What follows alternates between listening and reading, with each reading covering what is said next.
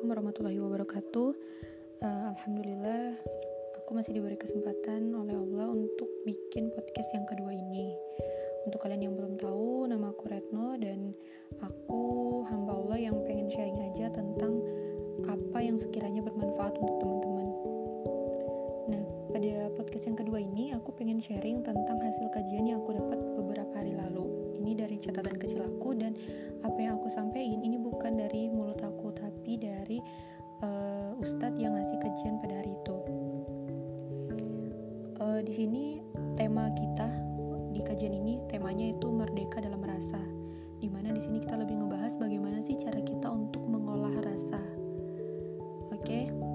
uh, eh, kita mulai. Jadi um, teman-teman pernah tahu nggak sih ada yang namanya pengelola sama aku mohon maaf, aku langsung ke inti pembahasan di kajian ini karena uh, aku pada hari itu tuh telat juga, telat hadir. Jadi pas aku datang itu udah mulai kajiannya. Jadi aku langsung mulai aja ke apa materi yang sempat aku dengar ya. Nah, jadi kalau teman-teman pernah dengar ada yang namanya pemilik dan pengelola, itu dua dua kalimat eh dua kata ini akan uh, sering aku mention di podcast kali ini. Pemilik ini prinsip yang pertama harus teman-teman ingat yaitu adalah satu prinsip yang pertama itu Allah pemilik hati. Oke, sekali lagi jadi Allah itu adalah pemilik hati kita itu kita sebagai manusia kita itu hanya sebagai pengelola doang pengelola hati. Jadi sebenarnya hati kita itu tuh milik Allah. Kita hanya sebagai pengelola. Nah kita sebagai pengelola kita itu hanya dititipin.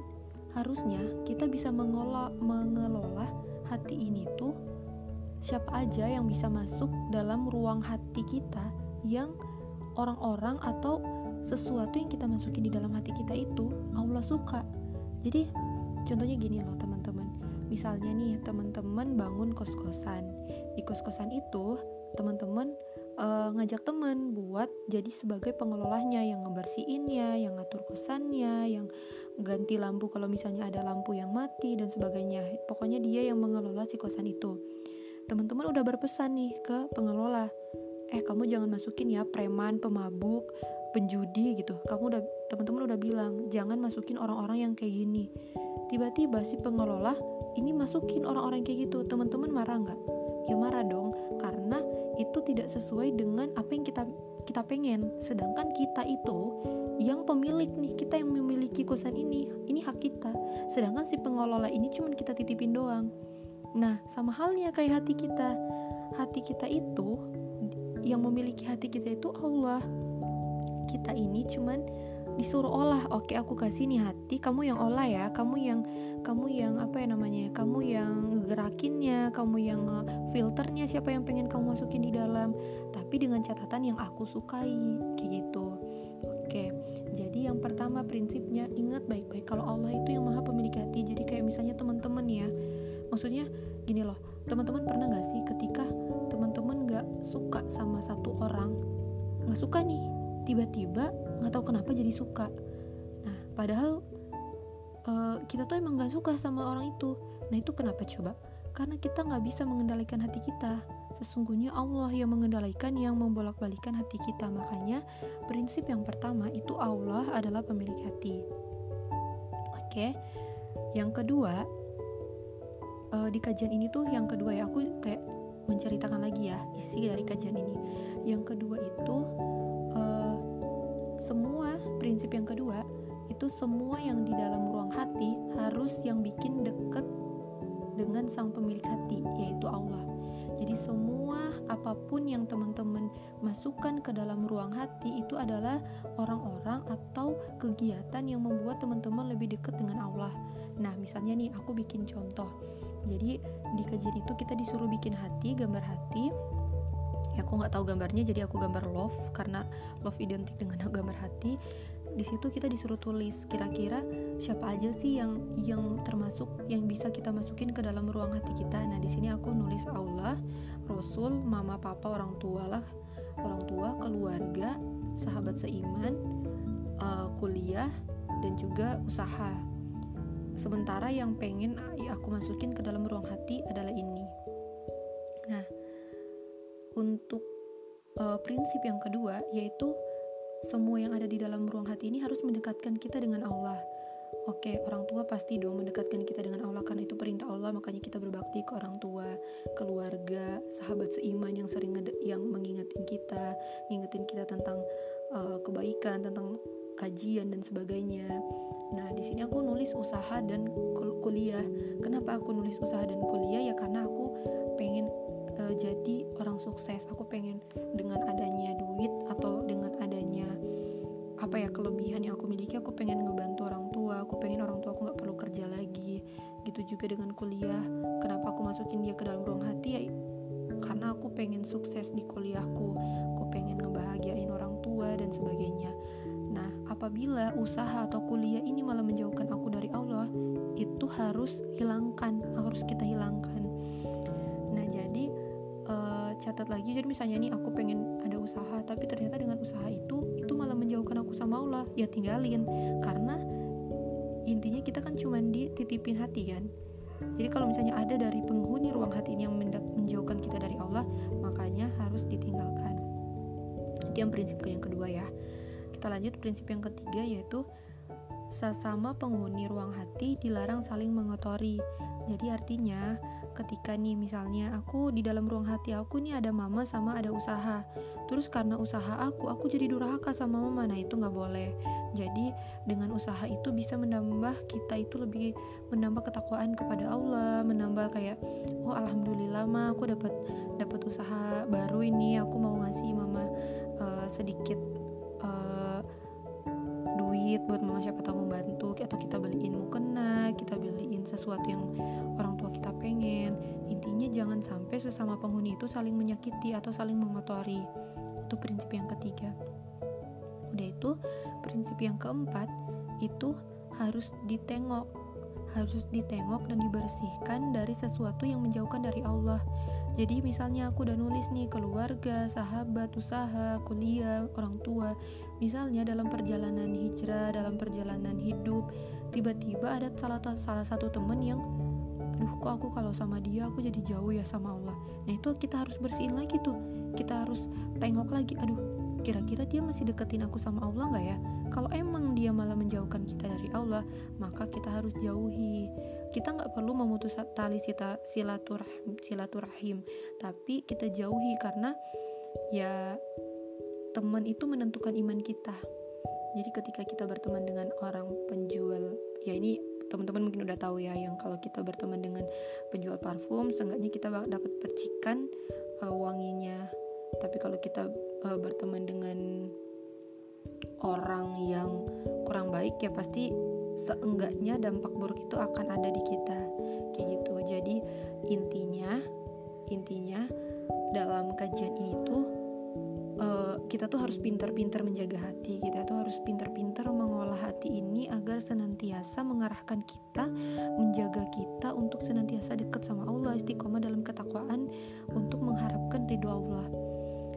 Oke jadi aku review lagi. Yang pertama jadi kajian ini ada empat prinsip yang harus kita pegang kita ingat kita tanamkan dalam pikiran bahwa oh yang pertama itu prinsip yang pertama itu Allah pemilik hati Oke, karena Allah pemilik hati, jadi apa pun itu mintalah ke Allah. Pengen taat ya Allah, jadikanlah hati ini senantiasa taat kepadamu pengen untuk bisa istiqomah ya Allah. Jadikanlah hati ini agar senantiasa istiqomah. Jadikanlah niat ini agar senantiasa lurus melaksanakan ibadah karenamu.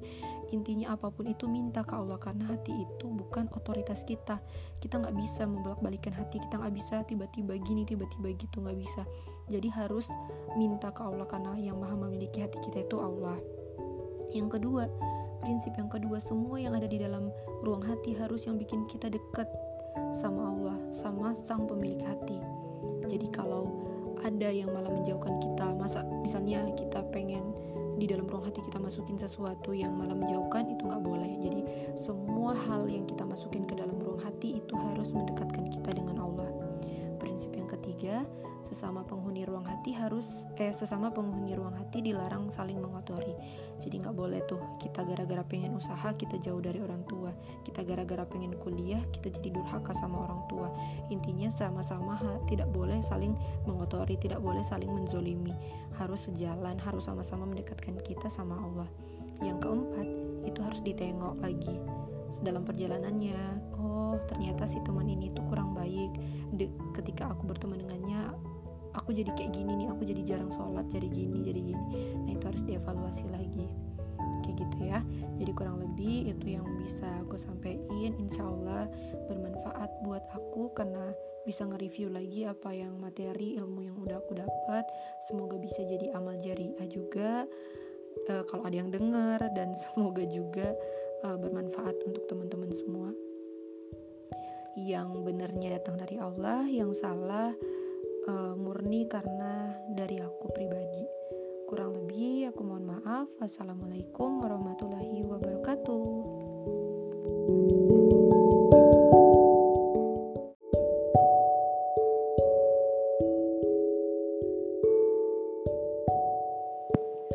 Bismillahirrahmanirrahim. Assalamualaikum warahmatullahi wabarakatuh. Eh, teman-teman, uh, alhamdulillah hari ini aku masih diberikan kesempatan oleh Allah untuk uh, bikin podcast yang ketiga. Uh, seperti biasa, jadi podcast aku ini uh, intinya tujuannya aku pengen sharing aja. Jadi apa yang aku ceritakan itu bukan dari apa namanya bukan dari bener-bener dari aku, tapi ini tuh kayak hasil kajian, hasil mentoring atau uh, materi apa pun itu yang aku anggap uh, ini nih kayaknya bagus nih kalau aku share. Oke, jadi sebenarnya aku pengen share ini udah lama. Ini tentang niat. Uh, kita mulai ya. Jadi kenapa di hadis itu niat itu merupakan hal yang pertama dibahas. Dia berada di bab satu.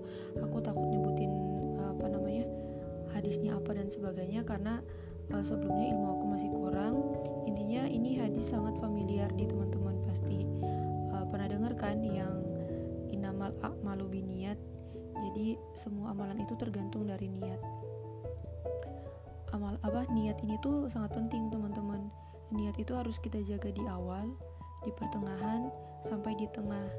Bisa aja di awal kita bilang kayak misalnya oh aku mau aku mau sholat nih karena Allah. Aku nggak intinya kita tuh nggak dari ya gitu. Intinya aku pengen sholat karena Allah. Udah nih kan itu adalah niat sebelum melaksanakan sholat.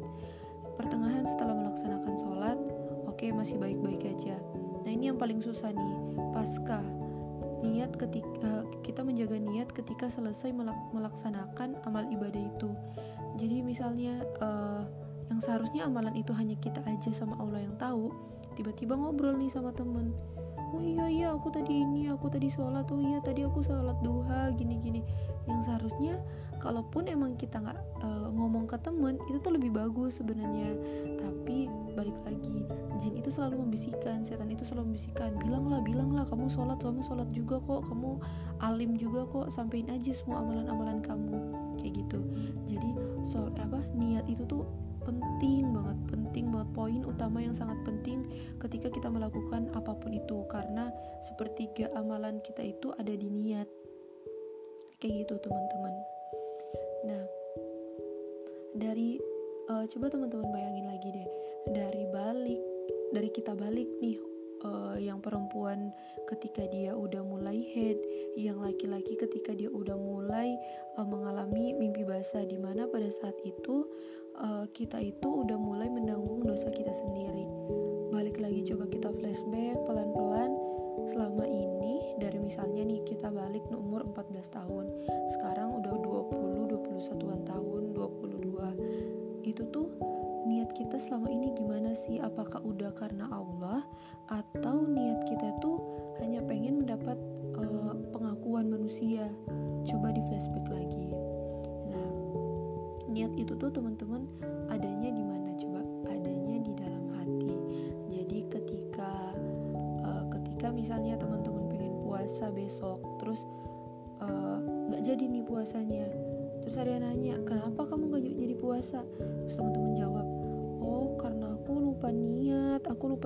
baca niatnya.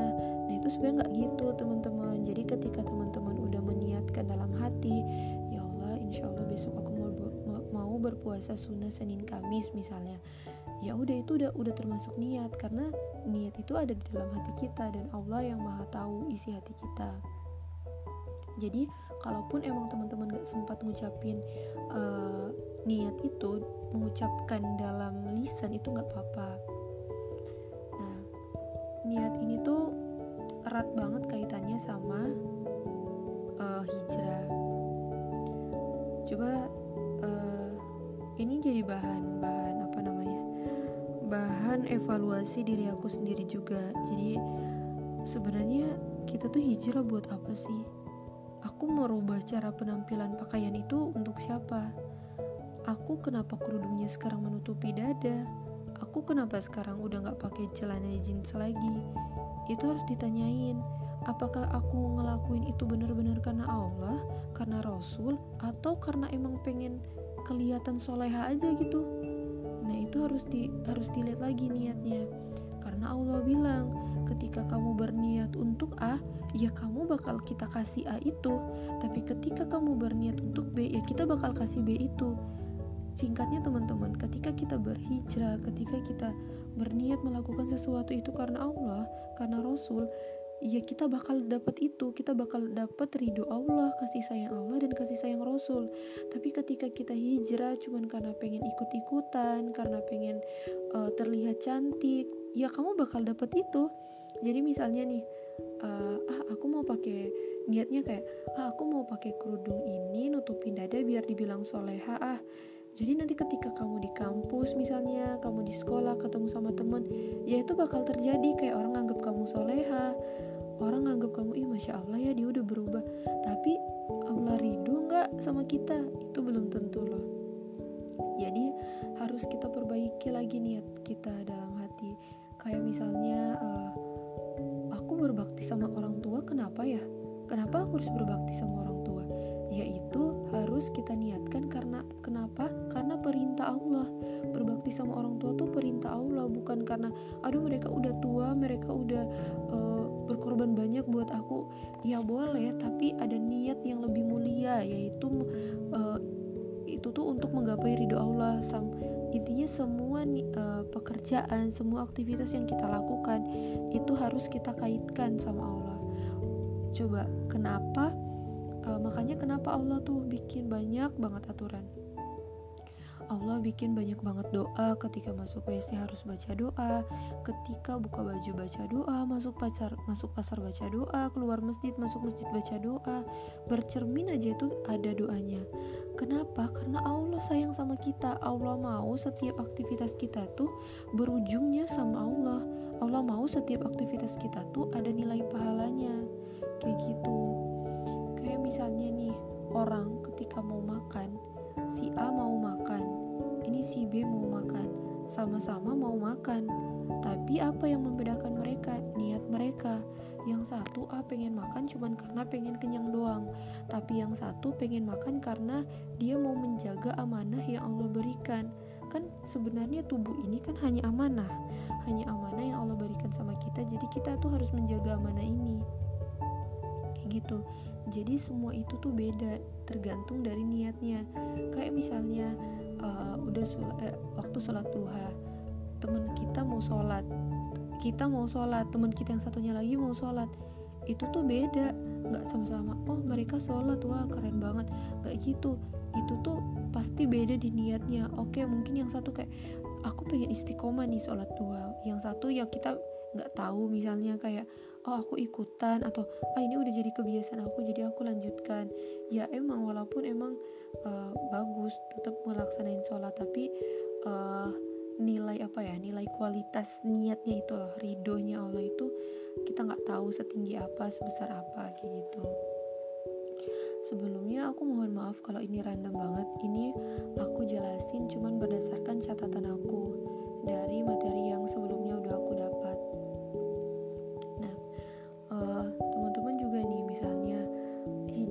kan intinya berpindah dari suatu tempat yang buruk menjadi ke tempat yang lebih baik kan kayak misalnya Rasul Rasul tuh dulu uh, hijrah dari Mekah ke Madinah karena dakwah di Mekah tuh terasa sangat sulit dibanding di Madinah.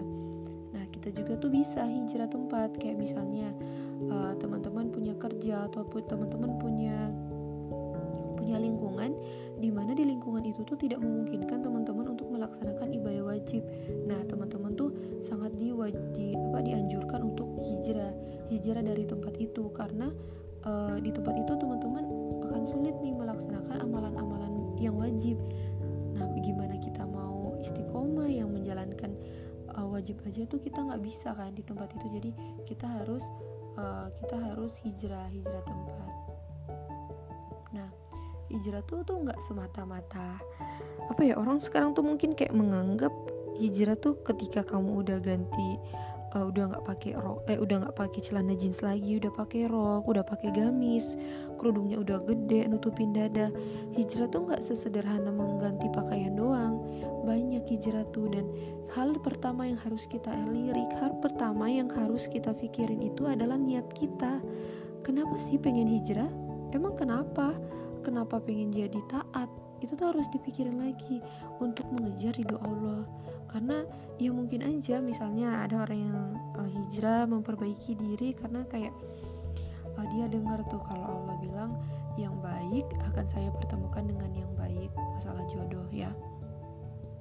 Yang buruk juga akan dipertemukan dengan yang buruk. Kayak misalnya pezina ya bakal ditemukan sama pezina. Dia nggak mungkin ketemu tuh si pezina sama si ustadz misalnya. Kayak uh, orang yang baik misalnya ada yang bilang gini eh red tapi kok ada nih yang baik kan? Tapi ada juga nih yang buruk. Kok mereka bersatu ya? Kok mereka nikah sih? Ya kan kita nggak tahu teman-teman. Maksudnya walaupun kita bilang dia baik ya kan kita nggak tahu dia itu baik apa enggak. Yang maha tahu kan Allah. Jadi ketika ya emang apa ya jodoh itu emang benar-benar kualitas kamu gitu. Nah kaitannya sama niat ya nggak apa-apa nggak apa-apa kita berniat kayak gitu. Tapi uh, balik lagi kan Allah bilang uh, semua itu akan kamu dapatkan berdasarkan niat kamu. Jadi ketika aku pengen hijrah nih aku pengen jadi soleh biar aku bisa dapat suami soleh. Ya kamu bakal dapat suami soleh tapi ada sesuatu yang lebih tinggi dari situ. Kenapa sih kita penting banget ngejar ridho Allah? Coba teman-teman kira-kira kenapa? Coba. Kayak ridho Allah ini Allah berkah nggak ya? Ini Allah ridho nggak ya? Kenapa penting banget itu? Karena kita itu bisa masuk surga bukan karena amalan kita sebenarnya. Bukan karena teman-teman udah sholat lima waktunya keren banget abis kece bukan gitu bukan karena teman-teman setiap amalan sunnah dikerjain bukan karena sedekah kita tapi karena Allah ridho ke kita.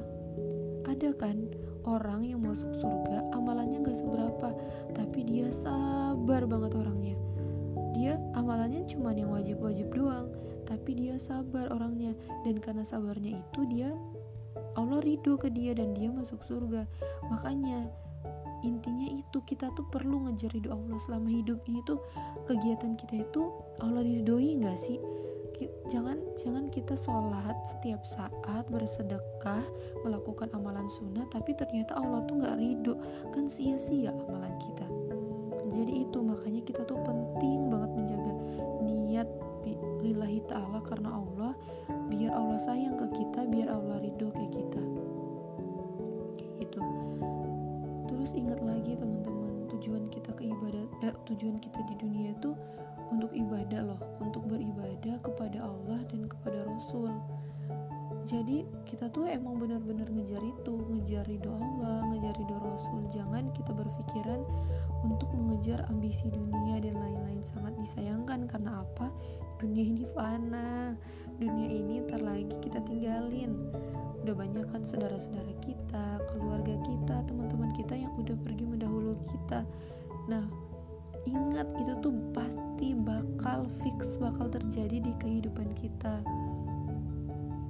Kayak gini nih, banyak teman-teman uh, yang mungkin kadang aku kayak mikirin hal itu juga kayak misalnya mikirin jodoh. Sebenarnya Allah itu udah bilang jodoh kita tuh udah ada, Allah udah ciptain kita. Jadi Allah tuh nggak nyiptain kamu sendiri yakinin aja dalam hati dalam pikiran bahwa Allah itu emang nyiptain kamu tuh berpasangan. Jadi kamu itu ada pasangannya enggak sendiri doang. Jadi nggak usah begitu apa ya namanya kayak khawatir aduh aku jodohnya siapa ya? Aduh aku pengen gini aduh aku pengen gitu. Udah ada jodoh kita tuh cara kita berikhtiar menjemput jodoh gimana? Ya dengan memperbaiki karena ada yang bilang gini yang kuning itu pasti bakal datang. Maksudnya kuning apa? Yaitu janur kuning sama bendera kuning. Mereka berdua tuh pasti akan datang, tapi manakah yang duluan? Apakah bendera kuning itu dulu yang akan terpasang di rumah kita atau janur kuning? Teman-teman ngerti kan ya? Bendera kuning maksudnya apa dan janur kuning? Nah, maksudnya tuh dua-dua itu tuh harus kita persiapkan sebelum si bendera kuning itu terpampang di depan rumah kita, kita harus nyiapin bekal-bekal untuk itu. Karena itu pasti akan terjadi. Mati itu pasti akan terjadi. Dan kenapa orang-orang takut mati termasuk saya? Ya balik lagi itu karena amalan kita, karena bekal kita belum banyak.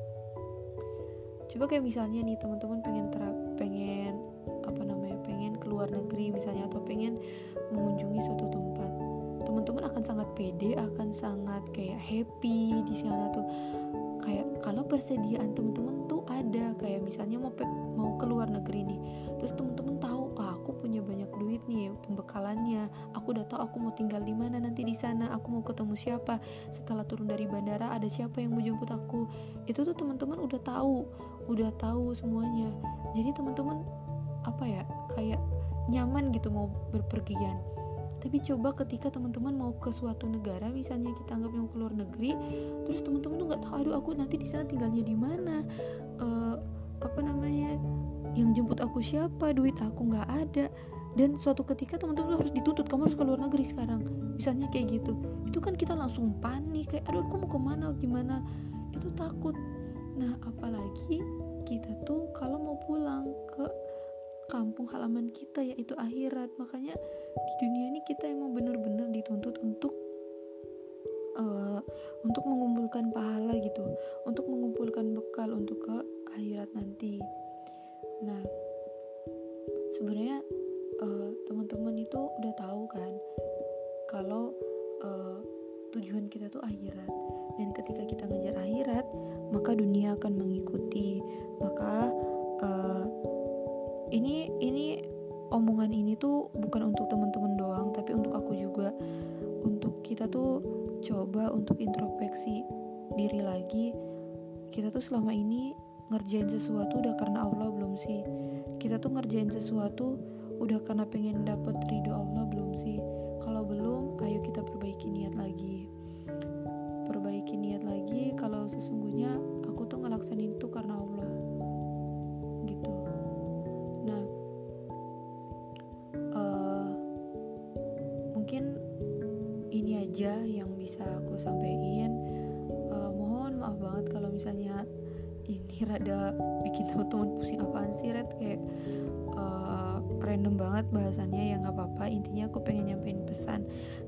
niat loh niat itu penting banget.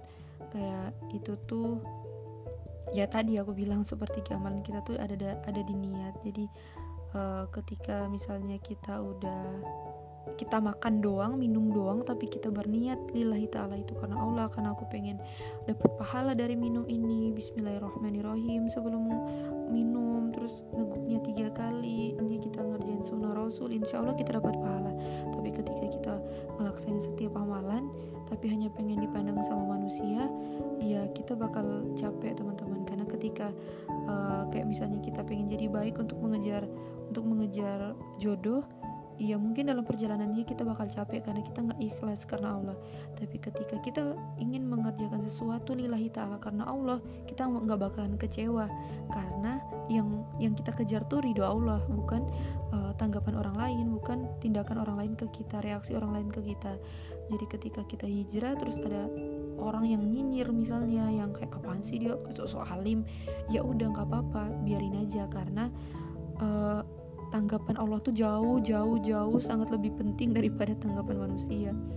Kayak gitu.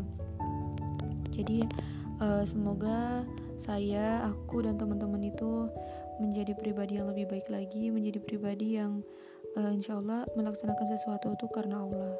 Amin. Uh, mungkin uh, sekian dulu podcast kali ini. Mohon maaf kalau random banget dan mungkin teman-teman rada bingung uh, insya Allah poinnya dapat pesannya dapat. Uh, yang benarnya datang dari Allah yang kurangnya murni dari aku lebih dan kurangnya aku mohon maaf. Assalamualaikum